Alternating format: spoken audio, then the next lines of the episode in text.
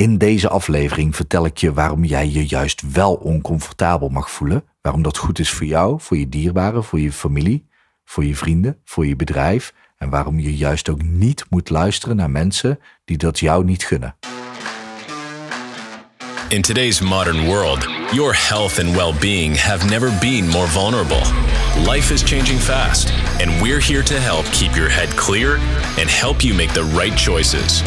Welcome to the Paul Veth Podcast, a podcast dedicated to leadership, business, mindset, spirituality, and more. Get ready to smash your goals and conquer self doubt. Now, here's your host, Paul Veth.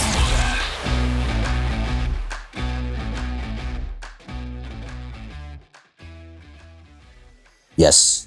Iemand zei tegen mij van de week: Ah, kan ik iets voor je doen? Ah, moet ik je even helpen? Ah, dat is ook niet leuk. En ik dacht: Wat een gekke reactie. Dus ging ik even nadenken. Wat bleek nou? Ik, ik zei: Ik voel me oncomfortabel. En daarop kreeg ik deze reactie. En toen dacht ik: Wauw, ja, oncomfortabel klinkt alsof het niet leuk is, alsof het stom is, alsof het vervelend is, alsof het niet mag. Maar dat slaat nergens op, want we, zeggen tegen iedereen, ja, buiten je comfortzone, daar ligt je groei. Ja, wat ligt er buiten je comfortzone? Discomfort. Oh, dat is geen Nederlands. Nou ja, een oncomfortabel gevoel. Dat ligt buiten je comfortzone. Daarom heet het ook buiten je comfortzone. Maar op het moment als iemand dan zegt, ja, ik voel me oncomfortabel, dan krijgen we opeens medelijden. Zo deelde ik van de week ook een post dat daar waar het leven zwaar wordt, dat daar juist groei plaatsvindt. En kreeg ik ook een reactie van iemand die zegt, ja, dit is altijd zo'n dooddoener voor mensen die veel hebben moeten doorstaan. En dan denk ik, ja, weet je, ik doorsta ook heel veel in mijn leven. Dat klopt. En ja, het kan ook echt heftig zijn voor mensen. Snap ik. Zo heb ik ook heftige dingen meegemaakt. Maar dat wil niet zeggen dat ik me niet meer bewust oncomfortabel mag voelen. Of onbewust, hè? Uh, mag ook. Uh, maar wat ik bedoel is dat ik er bewust voor kies om dingen te ervaren die oncomfortabel zijn, zodat ik groei.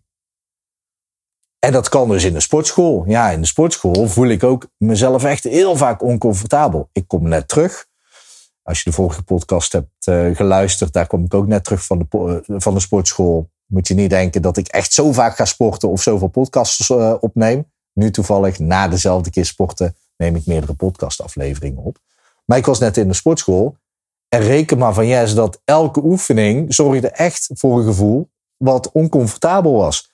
En dat was nou juist de bedoeling, want daar ligt de groei. Maar het lijkt erop alsof we in deze wereld dan een soort van medelijden vragen. Of dat mensen dan denken: oh ja, dat mag niet. Dan moeten we ervoor zorgen dat het fijn wordt.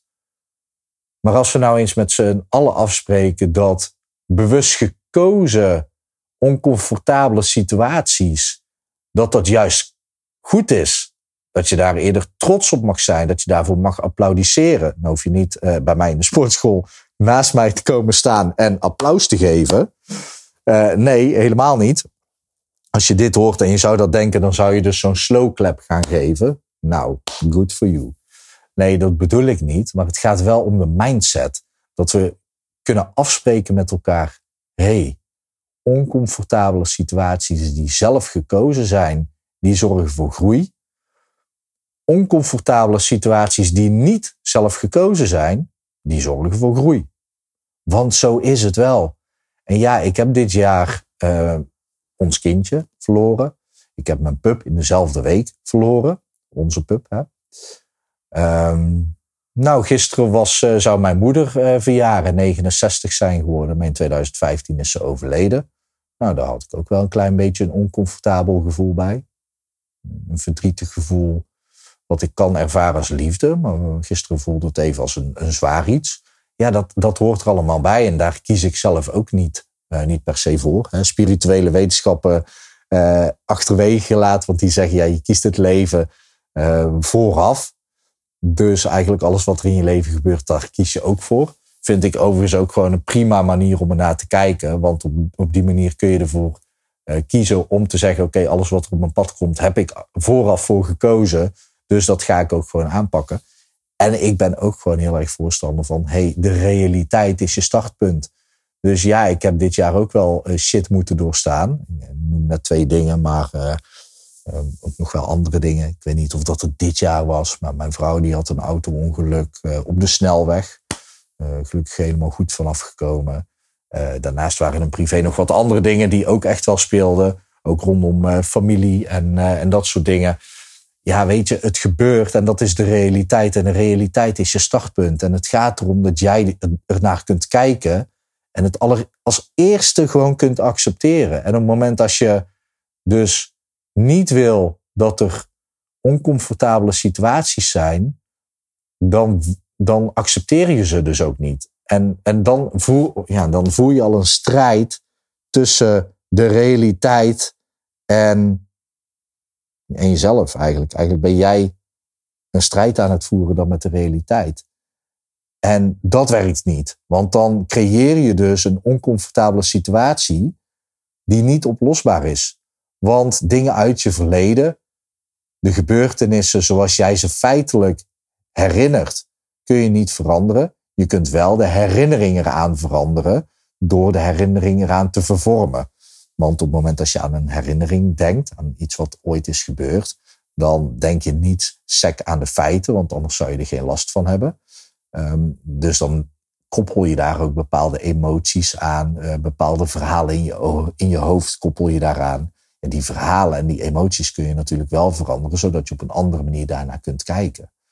Dus ik zeg altijd, en dat is een grote stap om te zetten, wees dankbaar voor alles uit je verleden. En daarmee geef je niet zomaar toestemming dat datgene in je toekomst weer gaat gebeuren.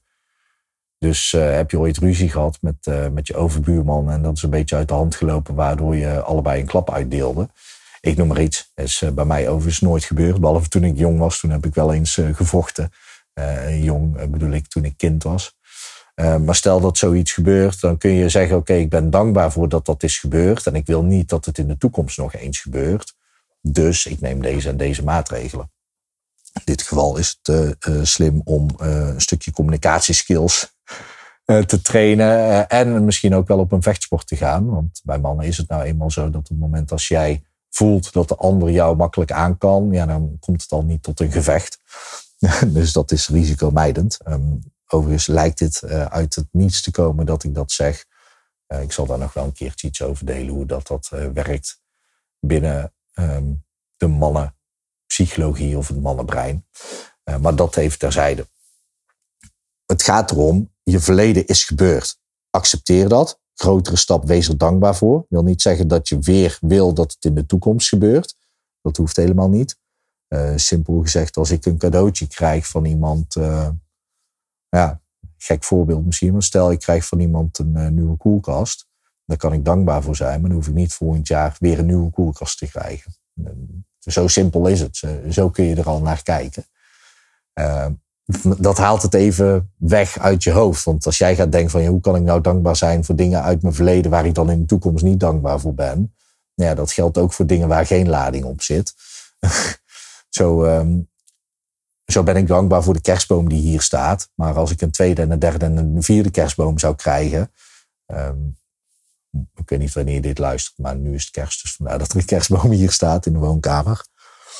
Um, maar op het moment als ik nu een tweede, een derde en een vierde kerstboom krijg, dan ben ik daar echt niet dankbaar voor in de toekomst. Dus in het verleden kan ik zijn voor de kerstboom die, uh, die ik ooit heb gekregen. Maar in de toekomst hoef ik daar niet, uh, niet dankbaar voor te zijn. Want we hebben er al één. zo simpel is het. En zo kun je dus ook naar dingen uit je verleden kijken. Ja, uh, het helpt heel erg om daar dankbaar voor te zijn. Want dan kun je ook gaan kijken, oké, welke lessen heb ik eruit gehaald? Welke groei uh, is daar ontstaan? En op het moment dat je dan dankbaar kunt zijn voor die situatie, kun je eindelijk ook dankbaar zijn voor de groei die je hebt gemaakt. En dus voor de competenties en kwaliteiten die je hebt ontwikkeld. En dan kun je veel makkelijker ook naar de toekomst kijken. Maar ik ben dus echt voorstander van, hey, oncomfortabele situaties die je kiest en die je niet kiest, die zorgen allebei voor groei. En op het moment dat je dat zo kunt zien en daar zo ook naar, uh, over kunt communiceren naar anderen toe, dan creëren we gewoon een maatschappij van groei en competentie. En misschien ook wel competitie op een gezonde manier, want dat is helemaal niet, uh, niet slecht. Dat uh, vind ik juist een goed iets. En dan groeien we als mensheid, dan groeien we als maatschappij weer. In plaats van dat we met z'n allen proberen om oncomfortabele situaties te vermijden. Want als we dat doen, ja, dan creëren we eigenlijk gewoon een, een zwakkere geest, een zwakker brein, een zwakker lijf. Dus uh, daar ben ik geen voorstander van. Dus uh, ja, ik hoop dat we dat kunnen afspreken. Maar wees daar zelf ook bewust van dat uh, en jouw mindset naar anderen toe, dat je dus met trots en juist blijdschap en een tevredenheid kunt kijken naar mensen die oncomfortabele situaties ervaren en vanuit daar de groei kunnen stimuleren. Uh, de nuance is natuurlijk op het moment als een uh, vervelende situatie plaatsvindt die oncomfortabel is, die niet zelf gekozen is, mag daar natuurlijk ook eerst een stukje acceptatie plaatsvinden. En dat kan niet altijd direct. Um, toen wij onze puppy en ons kindje in een week tijd verloren, toen hebben we ook wel heel even de tijd genomen om daar verdrietig over te zijn en om het verdriet volledig te doorvoelen.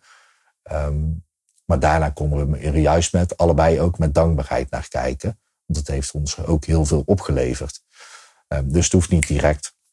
Het is gewoon heel erg goed om uh, zo naar situaties te kijken. Voor anderen, maar ook voor jezelf. Heel erg helpend. Nou, ik hoop natuurlijk wel dat het goed met je gaat. Ik hoop dat het ook goed gaat met dierbaren van je.